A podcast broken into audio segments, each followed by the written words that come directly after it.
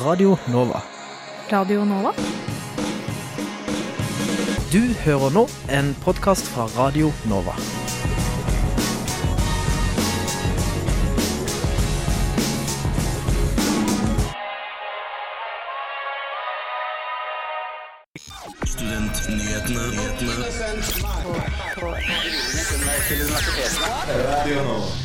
Hei, hei, hei, alle damer der ute. Og velkommen til Studentnyhetene på selveste kvinnedagen. Gratulerer så mye med dagen til alle dere. Mitt navn er Julie Byberg Bø, og med meg i studio har jeg Nora Torgersen. OK, vi får vel ønske velkommen til menn òg, selv om det er kvinnedagen. Eller hva tenker du, Nora? Ja, det, det må vi jo. I hvert fall velkommen skal dere være, alle og enhver. Eh, dette er en ganske stor dag. Har du et forhold til kvinnedagen, Nora? Eh, altså, egentlig ikke så veldig. Um, men, men det er jo hyggelig å få gratulasjoner, da. Fra det motsatte kjønn. Ja, egentlig ikke jeg heller, men det er en stor dag. Kvinnedagen skal vi komme litt tilbake til senere i sendinga, men først skal dere få høre disse sakene. Uh, Universitetet i Oslo i spissen av ny campusstrategi i Oslo kommune. Hva skulle egentlig UiO med cyaniden som ble stjålet? Hvordan er det å bo i studentby? Vi besøker de i en ny spalte, og i dag har vi besøkt Sogn studentby. Vi får igjen besøk av studentpolitikerne. Men først ukas nyhetsoppdatering.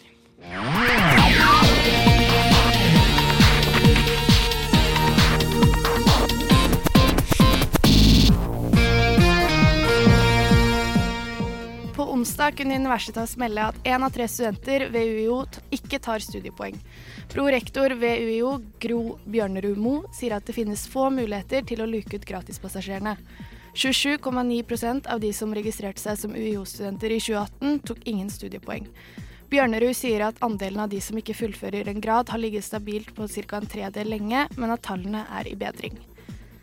I dag er det jo kvinnedagen, og i den forbindelse har Krono publisert et intervju med to kvinner som var blant de to prosentene kvinnelige professorer på 80-tallet. I mange år har kvinnene kjempet for å få flere kvinner inn i akademia, og for å få flere kvinner i høyere vitenskapelige stillinger. For selv om andelen doktorgradsstillinger besto av flest kvinner i 2015, er det fortsatt langt flere menn i vitenskapelige toppstillinger. Men tallene går i riktig retning, og nå utgjør kvinnelige professorer 30,74% av alle professorer i Norge. Universitas meldte onsdag at Kripos har brukt sju år og 1,4 millioner kroner på å få ned antall festrelaterte voldtekter, men antall saker har bare økt. Hver fjerde student oppgir å ha blitt utsatt for seksuell trakassering, og 4,7% av dagens studenter oppgir at de har blitt voldtatt. Det kom frem da eh, studentenes helse- og trivselsundersøkelse ble lagt frem høsten 2018. Regjeringen jobber i disse dager med en ny handlingsplan mot voldtekt, og denne blir lansert om kort tid. Det sier statssekretær Tor Kleppen Settem. Det var ukas nyhetsoppdatering, og mitt navn er Nora Torgersen. Oslo kommune skal få tre innovasjonsdistrikter ifølge eh, hovedstadens nye campusstrategi. Dette melder Krono. Sentralt i disse distriktene står Universitetet i Oslo og Oslo OsloMet. Med i studio har vi Agnes Nærland Viljugrein, vara i bystyret og medlem i bystyreutvalget i Oslo. Velkommen. Tusen takk. Hva er hensikten med denne campusstrategien? Nei, eh, først og fremst så handler det jo om at ehm, ja? Vi som er Oslo-politikere, vi har jo lyst til å utvikle Oslo som studentby.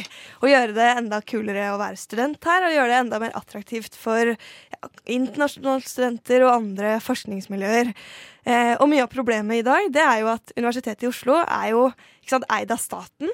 Så det er staten som står bak Universitetet i Oslo. Og, og har på en måte, ja, Universitetet i Oslo har holdt på litt for seg sjøl, på en måte. da. Eh, og så har kommunen gjort sine ting og levd i sin egen virkelighet. Og det har vært litt eh, problematisk. Eh, man burde hatt mye mer samarbeid. Så da dette byrådet kom til makta i 2015, så sa vi at vi hadde lyst til å utvikle eh, sånne campusdistrikter. Eller vi hadde lyst til å lage en plan egentlig for hvordan vi skal utvikle Oslo som kunnskapsby og som studentby. Og jeg tror at alle vi som er er studenter her i Oslo, da.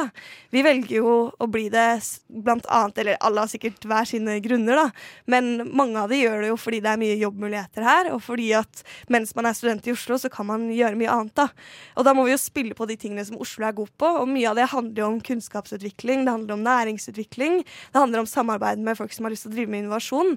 Og det er egentlig det eh, samarbeidet da, som vi styrker med den strategien her.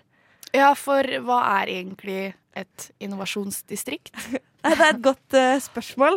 Uh, og uh, altså, utgangspunktet her handler jo om at når vi utvikler Oslo, sant, så, så, tenker vi kanskje sånn OK, nå skal vi få et område her, her skal det skje mye byutvikling. Det er jo en del steder i Oslo hvor det utvikles mye, altså hvor det skal skje mange endringer på kort tid. Mm. Og et av de områdene er f.eks. særlig rundt eh, der hvor Blindern ligger i dag, Gaustad-området. Ja, der skal det skje veldig mye utbygging. Mm. Og så kunne man jo bare tenkt sånn her skal vi bygge litt boliger og ikke gjøre så mye. Men i stedet så har vi nå lagd et samarbeid eh, med universitetssektoren for å kunne lage sånne innovasjonsdistrikter. Mm. Og noe av det viktige der, det er at vi kan samle næringsaktører, viktige kunnskapsaktører, eh, på det stedet og bygge f.eks uh, utvikle byen på en måte som kan gagne de liksom, distriktene da, enda mer. Sånn at samtidig som du går på Blindern, så kan man utvikle områdene rundt til å liksom, ja, bygge opp under det kunnskapsmiljøet det er enda større. Da. Og også få inn f.eks. næringsliv, som i dag da ikke er så nærme f.eks. Blindern eller, eller de distriktene som vi skal lage. Så dere vil på en måte samle næringslivet og studentene, på en måte? Ja, og utvikle byen. Altså, det handler jo om allerede hvordan vi bygger bolig, f.eks., og hva, hva, vi skal bygge, hvordan vi skal utvikle byen, hvordan vi samarbeider. Eh, og hvis vi skal få enda flere internasjonale studenter for eksempel, til Oslo, så tror jeg vi må styrke kunnskapsprofilen. Og da må vi ha noen liksom, ekstra sterke kort å spille på. Og det å da ha noen liksom, næringslivsinteresser eller andre som er i Oslo, som ja, samarbeider tett med universitetet, det kan være en stor fordel. da. Men eh, byråd Kjetil Lund sa jo til Krono at eh, det er en tendens til å tenke i siloer. Hva mente han med dette? Så man blir jo veldig sånn Jeg tror alle som er politikere, merker noen ganger det. At én sektor tenker sånn, og én sektor tenker sånn. Altså Litt sånn som jeg sa, da, at eh, UiO tenker på en måte for seg. Ok, Hva kan vi som UiO gjøre for våre studenter? Og så tenker Oslo kommune veldig for seg. Ok, vi skal bygge flere boliger i Oslo. Og så glemmer man å samarbeide. Mm. Eh, og fordi at UiO på en måte ligger hos staten, og Oslo er en kommune, liksom, så glemmer man litt for ofte å samarbeide. da. Og det dette egentlig er, er jo et startskudd for å få et mye bedre samarbeid om hvordan vi utvikler byen. Både med næringsliv, med studentene, med Blindern og universitetet og ja, andre, ikke bare UiO for så vidt, men også Oslo OsloMet og alle de andre studentinstitusjonene. da. Mm.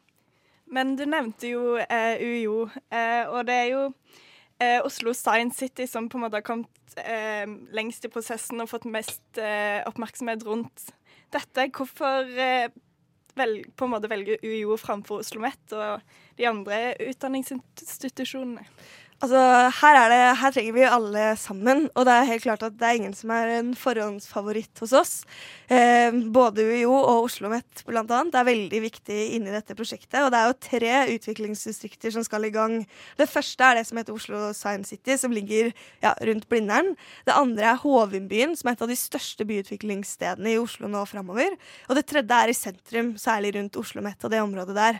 Og de tre stedene er også viktige, og grunnen til at man har valgt dem, er fordi det er et av de stedene hvor Oslo skal utvikles mest. Så det henger jo sammen både at det er store, viktige institusjoner der, men også at dette er en av de stedene hvor ja, det skal skje mest i Oslo da, de neste årene. Og da legger vi heller inn en innsats ekstra rettet mot de miljøene, sånn at vi får styrka de ekstra mye. Men hvem er det som kommer til å anvende disse distriktene? Altså, eh, det er så mye bra man kan få ut av dette. For det første kan det komme bra ut for alle studenter, som kan ta nytte av at det kommer store, interessante næringsaktører. Vi kan få enda bedre kunnskapsmiljøer. Det kan være attraktivt for internasjonale studenter som har lyst til å søke seg til Oslo. Det kan være attraktivt for andre næringsaktører som har lyst til å etablere seg i Oslo. Da, drive med innovasjon og utvikle forskningsmiljøet sitt. Eh, og det kan være attraktivt for eh, universitetet og sektoren å kunne spille på alle disse rundt seg. Nei, men eh, er det på en måte studenter, eller er det mest ansatte som kommer til å eh, være affiliert med disse distriktene? Hva betyr affiliert? Nei, det er et godt spørsmål. Ha mye med disse distriktene å gjøre, da, eller liksom Ja. Nei, For Arbeiderpartiet så handler dette om hvordan vi utvikler Oslo som kunnskapsby. Og at Oslo skal være en mye mer attraktiv kunnskapsby enn i dag. Vi må jo gjøre vår jobb og det vi kan gjøre for å utvikle det. Eh, så både for studentene så skal det bli enda kulere å, å velge Oslo. Og for eh, universitetet og for sektoren så skal man kunne bryne seg mye mer da, på andre aktører. Næringsliv eller folk som har lyst til å drive med innovasjon eller andre forskningsmiljøer f.eks. For så dette handler jo egentlig bare om å samarbeide og gå bort fra den silotenkningen som man har gjort før. liksom en gruppe her og en gruppe der, men prøve å se det litt i sammenheng og se hvordan kan vi samarbeide enda bedre. Og Det er det vi har lyst til å få til. Styrke Oslo som studentmiljø og, og spille på det som Oslo er best på. da. Eh, ja, tusen takk til deg, Agnes Nærland Viljugrein, vara i bystyret og medlem i bystyreutvalget i Oslo. Takk, takk. For to uker siden ble det kjent at en hvit varebil ble stjålet fra Lørenskog. I bagasjerommet fant det seg en liten hvit beholder med rødt lokk med giften cyanid, som skulle til Det matematisk-naturvitenskapelige fakultet ved Universitetet i Oslo. Vår reporter tok derfor en prat med visedekan for innovasjon og samfunnskontakt, Kristin Vinje, om hva som skjedde. For hva skulle cyaniden brukes til? Uh, ja, for det, det, er jo en sånn uh, spennende historie, dette som har skjedd de siste ukene, vil jeg si. Uh, det er jo både 20.2 så ble en varebil stjålet fra Lørenskog. 22.2 så fikk politiet vite om at det var en cyanidleveranse i denne bilen. Og 23.2 så ble, fikk offentligheten vite, vite det samme. men når fikk dere i Det matematiske naturvitenskapelige fakultet vite hva som skjedde? Personlig fikk jeg se det gjennom eh, media, at eh, det var eh, Universitetet i Oslo som var mottaker av denne cyaniden. Og det var vel i slutten av forrige uke. Altså, Hva var det dere egentlig hadde, hadde bestilt? Vi hadde bestilt en liten beholder med 25 gram av et salt som heter kaliumcyanid, som skulle til Biologisk institutt her på Universitetet i Oslo. For, for hva er egentlig cyanid? Ja, Cyanid er jo en eh, kjemisk forbindelse mellom karbon og nitrogen forbundet med en trippelbinding. Og så kan denne enheten hekte seg til eh, kalium, som er et uh, anion, og da kaller vi det et salt. Så kaliumcyanid, som var det stoffet som forsvant, det er et salt. Men når dette får tilgang til vann, så dannes det blåsyre, som er ekstremt giftig. Og det er det som på en måte i gassform binder seg til elementer i kroppen som gjør at man på en måte opplever en indre kvelning som gjør at det er veldig giftig. Det hele, hele, historien er på en måte egentlig som tatt ut fra en, en, en krimimepisode på, på TV nærmest, som hadde biljakt og hunder som biter og, og, og hele, hele også for denne bitte lille boksen. Eh, hvordan ser du på det at det liksom blir blitt så mye oppmerksomhet rundt liksom hele forløp og at det er blitt litt sånn en ekte krimgåte. Ja, først og fremst er jeg veldig glad for at vi fant, eller at politiet da, fant boksen, sånn at den kom til rette, og at vi kunne ta imot den og oppbevare den forsvarlig. Så det er kjempefint. Men når jeg hørte om denne historien, så fikk jeg jo masse assosiasjoner til eh, blåsyre og giftmorder og Agathe Christie-krimbøker osv. For det, cyanid er jo en kjent eh, element i mange av Agathe Christies historier. historier. Agathe Christie jobbet jo selv på apotek, hun var også sykepleier under første verdenskrig. Så hun fikk jo veldig kjennskap til, eh, til kjemikalier gjennom sin jobb, og, og, brukte det aktivt i sitt eh, forfatterskap. Men hva skulle Universitetet i Oslo bruke, bruke cyanid til, i, eller dette cyanidstoffet som de hadde, hadde bestilt? Ja, akkurat dette stoffet skulle til Biologisk institutt, som skulle bruke det på celleforskning, på grunnleggende celleforskning. Og det er ikke mitt spesialfelt, så det kjenner ikke jeg så godt til. Men, men de forsker jo på celler, og da inngår det som en del av eh, den forskningen de gjør.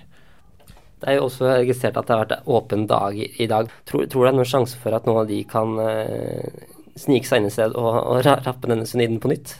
Nei, det er ikke sjans til, for det, vi oppbevarer uh, kjemikaliene etter strenge sikkerhetsregler. Men det jeg håper, da, det er at uh, mange av studentene ser at kjemi er et veldig spennende fag. Eh, og det å studere kjemi, det gir muligheten til å forstå veldig mange dagligdagse ting som eh, handler om mat, som handler om materialer, som handler om drivstoff, energi, miljø. Så det er utrolig mange ting du kan jobbe med hvis du skjønner og forstår kjemi. Derfor så håper jeg at eh, folk også får øynene opp for hvilket fag det er, og hvilke muligheter som eh, finnes hvis man mestrer eh, kjemien. Ja, sist fredag ble to polske menn arrestert med cyaniden etter en biljakt som endte i en møkkakjeller på Gjerdum. Det var reporter Inga Jakob Feiring som hadde tatt en prat med Kristin Vinje, visedekan for Det matematiske naturvitenskapelige fakultet ved UiO. Våre to reportere Elise og Nora, som er med oss i studio i dag, tok turen til Sogn studentby for å lage en ny spalte her på Studentnyhetene. Nemlig Vi tester studentbyen i Oslo. De bor sjøl i studentbyen, og sammen med en annen innflytter, en helt ny faktisk, snakker de om hvordan den fungerer. OK, Nora, hvis du skulle eh, sammenfatte hele det å bo i Sogn studentby i ett ord, hva hadde det vært? Det ville blitt eh, at det er helt eh, flott å bo der. Flott som i bra, eller flott som i insekteflott? Eh, flott som i, i bra, ja. OK. ja. Jeg gleder meg til å høre. Da står vi her, Sogn studentby. Sogn studentby er egentlig ordlandsbyen fra 1952. Og vi er jo nå rett ovenfor eh, veien til eh, Ullevål stadion. Bare 15 minutter å gå til Blindern. Vi er også nærme Ullevål stadion, T-bane. Og eh, er jo da rett ved Blindern VGS, som jo er et busstopp. Det er mye kollektivtransport her, derimot. Det var det jeg ville frem til. Det er godt. Det er faktisk veldig lurt, fordi da kommer du deg raskt inn til byen, men samtidig så bor du ganske landlig. Nesten to kilometer unna Sognsvann, hvis man vil ha litt eh, frisk natur. Skimulighetene er ikke langt unna. Og det finnes en variasjon av ulike studentboliger her også. Du bor i eh, kollektiv, gjør du ikke det? Jo, jeg bor med to andre. Og jeg, jeg bor eh, helt alene, i min egen lille hybel. Vi har begge to luksusen av å ha en liten balkong. Det har vi. Det er veldig fint. Og du, Elise, har jo bodd her kjempelenge. Det stemmer. Jeg har, eh, jeg har bodd her som fire og et halvt år, faktisk. Jeg har bodd eh, både på toppen, holdt jeg på å si, i kollektiv, og jeg har bodd eh, nå lengre ned, da. Jeg vil si det er roligere jo lenger ned du kommer. Det er jo ikke langt til Rema heller. Rema er jo midtpunktet av denne studentbyen. Så det er jo også ved Rema vi har noe som heter Amatøren. Jeg har aldri vært der, men det har du. Ja, jeg har vært der. Det er en studentpub, faktisk. Akkurat sånn som de andre på Blindern. Eh, De er faktisk med på pub til pub, så kanskje du skal ta turen dit neste gang. Men da, vi skulle jo møte noen i dag, vi. Det skulle vi. Tina heter hun, og hun er eh, den nye jeg bor med i kollektivet. Da går vi opp dit, vi.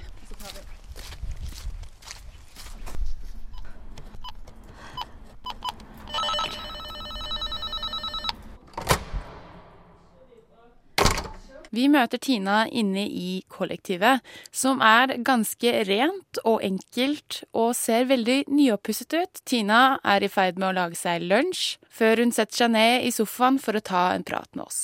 Tina, hva er det egentlig som fikk deg til å søke studentbolig her på Sogn studentby? Jeg valgte Sogn fordi det var liksom ikke midt i byen. Men det var fortsatt veldig sentralt. Det er bare sånn åtte minutter med T-banen. Så det er deilig å ikke bo midt i sånn støyet, men fortsatt ha alt tilgjengelig. Det er jo ikke noe sånn fest eller at det skjer mye her. Veldig sånn deilig og stille. Veldig koselig. Samtidig litt eh, liv. Ja, sånn i helgene, tenker du? Ja, da er det litt liv. Du møter jo på folk hele tida når du går ja, til og fra. Samtidig som Tina påpeker at det er deilig at Sogn studentby er rolig, forteller hun også at hun kunne ønske at det var flere sosiale arrangementer i studentbyen. Men jeg lurte på hva hun synes var det verste ved å bo på Sogn. Altså, da tror jeg faktisk det er vaskeriet. Fordi jeg sleit så fælt med det. Og så liksom Du føler ikke at det er rent der. Og den døra den lukker seg ikke ordentlig. Den låser seg jo ikke lenger, den inn til vaskeriet. Så det er sånn Mange av de maskinene er jo litt sånn slitte, så jeg blir sånn Hvor rent blir det egentlig? Klærne blir jo rene, men liksom, det bare føles ikke rent. Ja, fordi det føler jeg litt, og jeg føler at renholdet f.eks. i oppgangene og på vaskeriet, er det godt nok? Nei. Det, fø det føles ut sånn, men det kan alltid være slitt. At du liksom kanskje trenger en liten oppussing. da. Motsatt side, da. Hva, hva syns du er det beste med å bo på Sogn studentby så langt? Ja, det er jo der er plasseringa. Men det er jo også liksom, jeg syns kollektivene er ganske fine. Nå har vi eneste ny, eller ganske nyoppussa. Da har vi forlatt Tina og Sogn studentby, og vi gir terningkast, og terningkastet blir Fem! Og det er fordi det er en veldig flott by å bo i, og det er god plassering, bra kollektivtilbud og hyggelige kollektiv, men det mangler litt på det sosiale. Mange gode grunner og noen dårlige der, altså. Men terningkast fem vil jeg si er ganske flott. Følg med neste fredag, fordi da skal vi faktisk til Kringsjå studentby. Det nærmer seg jo valg eh, på Universitetet i Oslo. I den sammenhengen har vi fått med oss Eva Moskes fra A-lista. Terje Hove Torpestad fra Moderat liste og Snorre Strandberg fra Liberal liste. Velkommen. Takk for det. Ja, tusen takk. Eh, hvordan har det gått med valgløftene i år, Snorre? Nei, liberal liste. Vi eh, sa at vi skulle jobbe for å ha døgnåpne lesesaler. Det har vi fått et eh, resolusjon på fra studentparlamentet, og de jobber med det. Så vi, jeg gleder meg veldig mye til at, eh, og håper at eiendomsforhandlinga klarer å få dette her i gang. Eh, skal det jobbes videre med noen av det, noe av det dere jobber for i år? Ja, vi jobber, kommer til å jobbe, vi fortsetter videre med å få podkastet eh, alle, alle forelesningene. Eh, Vi mener at det er veldig viktig for eh, studentene, for studentmassen, og, det gir studentene mye mer frihet. Student, studietiden trenger ikke være en åtte til fire-arbeid. Og det å kunne få podkaste forelesningene, det gir en frihet i hverdagen til veldig mange. Hva er deres største tema for valgkampen i år, Eva? Eh, vårt største tema Vi har jo hatt arbeid de to siste årene som vårt mest framtredende tema. Det å kunne skape et, legge til rette for bedre kontakt mellom studentene og arbeidslivet er viktig. Og vi, universitetet har fortsatt en lang vei å gå, tenker vi da. Hvorfor er akkurat dette så viktig for dere? Nå er vi jo arbeiderbevegelsens studentliste, og det er jo å komme til arbeid som er meningen med studenttilværelsen og studentlivet. Så det er jo rett og slett bare for å forberede studentene bedre for deres fremtid. Terje, du representerer jo en liste som nettopp har bytta navn. Stemmer det. Eh, først og fremst, hvorfor bytta dere eh, navn? Vi tenkte vi ønsket en litt ny profil som viser litt bedre hva lista er, som jo egentlig er et litt uh, moderalt alternativ til mange av de radikale på studentparlamentet, og en litt sånn motvekt. Fortsatt en liberal-konservativ liste, som blå liste også var, men med en litt ny profil, og også reflektert i sakene våre, da. Mm. Fordi dere var jo tidligere blå liste, men nå har blitt eh, moderat liste. Det stemmer. Eh, har politikken deres endra seg noe? Vi er fortsatt et uh, liberalkonservativt parti, eller studentparti, liste, og jobber jo fremdeles for å gjøre studenthverdagen litt friere. Få et uh, mangfold av meninger og valgmuligheter for studentene, og har en, egentlig en sterk tro på individualisme, da, og at studentene kan gjøre kloke valg både hva det gjelder det faglige og sosiale og ellers hverdagslige på universitetet her. Hva konkret er det dere vil jobbe mest for? Vi har noen kjernesaker som, ja, kort det er jo å gjøre X-Fill valgfritt. Se litt på å endre SIO-monopolet, og å støtte studentforeningene litt ytterligere. Sånn generelt, eh, hvordan har dere tenkt å jobbe for å sanke flere stemmer i år? Snorre, du kan begynne. Nei, vi merket at det er veldig få personer som faktisk stemte i fjor. Men Liberalista hadde et par arrangement, inkludert grilling og sånt. Det er det vi kommer til å gjøre. Vi kommer til å oppsøke studentene mye mer. Det kommer til å være plagsomme. Men det er et stort problem vi har, at studentmassen ikke stemmer. Og det handler konkret med at vi må, vi må ut og oppsøke dem. Det er ikke de som må oppsøke oss. Mm. Eva? Vi er jo for så vidt helt enige, men vi tenker jo også det å få en mer til syne, altså være mer synlig på sosiale medier, i og med at kanskje ikke alle har mulighet til å nå ut gjennom bare å stå og være tilstedeværende, være synlig under valgkampen. Så prøve å være mer tilstedeværende på sosiale medier og jobbe tettere på et litt mer lang sikt med flere arrangementer, blant annet. Ja, hjertens enig også. Altså Valgoppslutningen var jo nede under 20% tror jeg, i fjor. Og det er jo altfor lavt. Og det er veldig synd at man har et studentparlament som kanskje ikke helt reflekterer eh, viljen, demokratiet, akkurat hva studentmassen ønsker å ha i et sånt parlament. da. Så vi i Moderat liste kommer til å stå på stands også utenfor eh, det som er arrangert av selve studentparlamentet. Eh, på flere fakulteter utenfor Blindern, og selvfølgelig også jobbe hardt på sosiale medier. Vi har en egen sosial medieansvarlig i styret, og rett og slett bare få folk til uh, å stemme. Det er oppgaven. Ja, for det er jo ikke sånn at alle studenter stemmer med valg, eller i det hele tatt er klar over at det er valg. Eh, hva skal på en måte deres lister gjøre for å bli mer synlige i år? Ja, det svarte dere jo litt på, men mener, hvordan skal dere engasjere studentene til å tenke, eller liksom engasjere seg da, i valget? Nei, Vi tenker nå at uh, vi ser nå igjen at eh, det er uh, drama på juridisk fakultet. Uh, vi ser nå at, Og igjen, vi føler at dette er, går på noe av det som er vår nye hovedsak. at vi skal ha pedagogisk kompetanse Vi skal ha krav til pedagogisk kom- kom- kompetanse hos professorene. Vi ser at mangelen på dette har ført til er noe som egentlig bare har ført til konflikt mellom studentmassen og og flere professorer. Det er jo noe veldig mange bryr seg om. Eh, få, få saker som studentene virkelig bryr seg om på agendaen. Eh, som både sånn eh, moderat liste og, og liberal liste. Vi, er, vi har sagt eh, fjern monopolet i 100 år. Folk begynner å bli lei av det. Eh, men få, få de tinga som virkelig, virkelig berører mennesker i hverdagen sin. Det, Men hvorfor er det så viktig at studentene engasjerer seg i dette? Jeg tror mange studenter tenker sånn at studiehverdagen går sin gang. Man finner de fagene som syns er spennende osv. Man finner nye mennesker å være med, nye spennende fester. Men det er veldig viktig å stemme i studentparlamentsvalget eh, sett i et perspektiv, for det er veldig lett å stemme. Og vi kan endre ganske mye som påvirker hverdagen direkte. Plutselig så stemmer du på moderat liste, så kommer det plutselig et vinmonopol opp på Blindern. Og det er sånne småting som eh, jeg tror studentene virkelig kan ha litt nytte av. Da. Og det koster dem veldig lite. Så det er ingen grunn til å la være å klikke seg inn på nettsida i 24. til 30. april, altså. Yes, vi skal snakke mer sammen, men eh, først skal vi høre eh, Til havet med Intet alltid. men blir aldri det samme. Hei, hei. Der hørte du Til havet med Intet alltid. Eh, vi har fortsatt med oss med Eva Mosshus fra A-lista, Terje Hove Torpestad fra Moderat liste og Snorre Sandberg fra Liberal liste. Og i dag er det jo den internasjonale kvinnedagen. Har dere noen planer for å hedre kvinnene? Ja, vi, i dag så har vi et arrangement eh, hvor vi i samarbeid med Arbeiderpartiets studentlag skal gå i tog, og så etterpå ha en samling på en bar nede i Oslo sentrum. Så alle er hjertelig velkommen for å feire det kvinnene. Ja.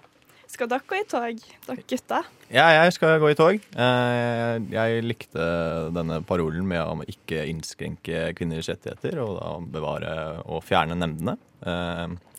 Eh, Så skal jeg, som jeg alltid gjør, feire 8. mars. Det er en kjempebra dag. eh, Og jeg føler at eh, vi på borgerlig side må, må være flinkere til å være med og, og, og støtte de sakene som vi føler er Og der kan jeg kanskje komme med en liten sak som Moderat liste har på valgprogrammet, som er relevant for kvinnedagen. Og det handler nettopp om det med varsling på UiO når det gjelder trakassering og uønskede hendelser. Og jeg har bare lyst til å slå et slag for eh, Sifra-systemet her på UiO. Det er veldig enkelt eh, å klikke seg inn på nettet og varsle om det skulle være noe som har skjedd. Og det er veldig frustrerende at det er veldig mange som går på UiO her, på mange fakulteter, som ikke eh, vet om dette her. Så liksom hvis noen hører på radio og ikke har hørt om dette her, Sifra-systemet er veldig bra. Og vi i Moderat liste har ytterligere lyst til å styrke varslingsordningene her på UiO, og som ivaretar og tar eh, varsleren på alvor. Og det tror jeg er en god sak for kvinnedagen i dag, da. Nevne litt. Ja, for en av de store sakene i år er jo diskrimine diskriminering av jenter i skolegården. Eh, og dette gjelder jo i hovedsak eh, ungdomsskolen. Men det kan jo relateres til studenter som opplever diskriminering på flere områder, sånn som du sa, Terje. Hvorfor er dette så viktig å sette fokus på, Snorre? Det sier seg jo selvfølgelig selv at vi må legge fokus på, på at folk blir diskriminert. Skal, altså, universitetet skal være for alle. Eh, og hvis mennesker opplever trakassering eller eh, diskriminering, så må vi selvfølgelig alle sammen stå opp imot dette her. Eh, vi har hatt en kjempefin ordning eller, Det er momentum som foregår nå, og det må vi fortsette å, å ha. Eh, og vise at eh, dette her ikke er eh, aktuelt. eh, og at eh, universitetet skal være et trygt sted for absolutt alle å kunne komme for å lære. Mm. Det har jo vært flere metoo-varsler i eh, det siste året, og i akademia. Eh, hvordan kan vi slå enda hardere ned på dette, Eva? Da må man jo i første omgang se på sakene og for å kunne Altså Si-fra-systemet er jo et fantastisk måte for å fange opp på. Dette er jo noe vi har på UiO som vi kan bruke mer effektivt hvis vi gjør det mer synlig. For i hver enkelt sak er det vanskelig å uttale seg direkte om, men Si-fra-systemet vil hjelpe, og man får en mye lettere Man, man fanger det opp bedre. Mm. En annen sak som settes fokus på eh, i år, er jo kvinner i arbeidslivet. Hva tenker dere i A-lista om dette, Eva? Kvinner i arbeidslivet. Kan du utdype i hvilken sammenheng? Ja, kvinner i høyere utdanning og lederstillinger og ja, høyere stillinger, egentlig. Ja, altså det er jo viktig. Vi ser jo at topp 50, hvis jeg ikke husker helt feil, eller topp 40, eh, er det bare I næringslivet er det tre kvinner. Det er et veldig lavt tall. Du er første er på topp 20 eller noe sånt. Det er, det er litt skremmende at det, det er så mange menn. Man vil jo helst ha en litt mer kjønnslikhet. Virkelig. Men hvorfor tror du det er sånn? Uh, jeg tror det er en videreføring av det samfunnet og den forståelsen av samfunnet. Og dette er noe som kommer til å bli forandret på. Fordi vi har såpass mange kompetente kvinner, både i akademia den dag i dag, men også som har mulighet til å kunne ta mer tak. Mm. Hva tenker du, Terje? Jeg tror det er mange grunner til at det ikke er så mange kvinner oppe i topplederstillinger. Eh, Jeg studerer jo juss selv, og det har vært en sak til at det er veldig få kvinnelige partnere i de store advokatfirmaene. Som jo er veldig rart. Iallfall uh, kommer det til å bli rarere og rarere med tanke på hvor mange flere kvinner som eh, studerer juss enn menn. Og grunnen til det er nok eh, mange. Det er jo klart, eh, Rent kroppslig har jo kvinnene en ulempe med å bli gravid osv. Og, så og det er jo en, mange kvinner som velger eh, kanskje å jobbe mer deltid. Det er jo en statistikk. Og jeg tror løsningen er mye å bare si til kvinnen at stå på, du kan klare det. Du er flink i juss, f.eks. Du kan bli partner. Og det dreier seg om å på en måte Ja, hva skal man si? Gjøre Legge alt til rette for at alle skal kunne velge fritt. Det er kanskje noe av det som er kjernen i moderat liste og det, det liberal-konservative. At alle skal ha de like mulighetene på tross av hvilket kjønn man har. Alle skal vite at eh, de er gode nok, uansett om de er kvinner eller menn, selv til å nå toppen i næringslivet. Har du noen tanker, Snorre?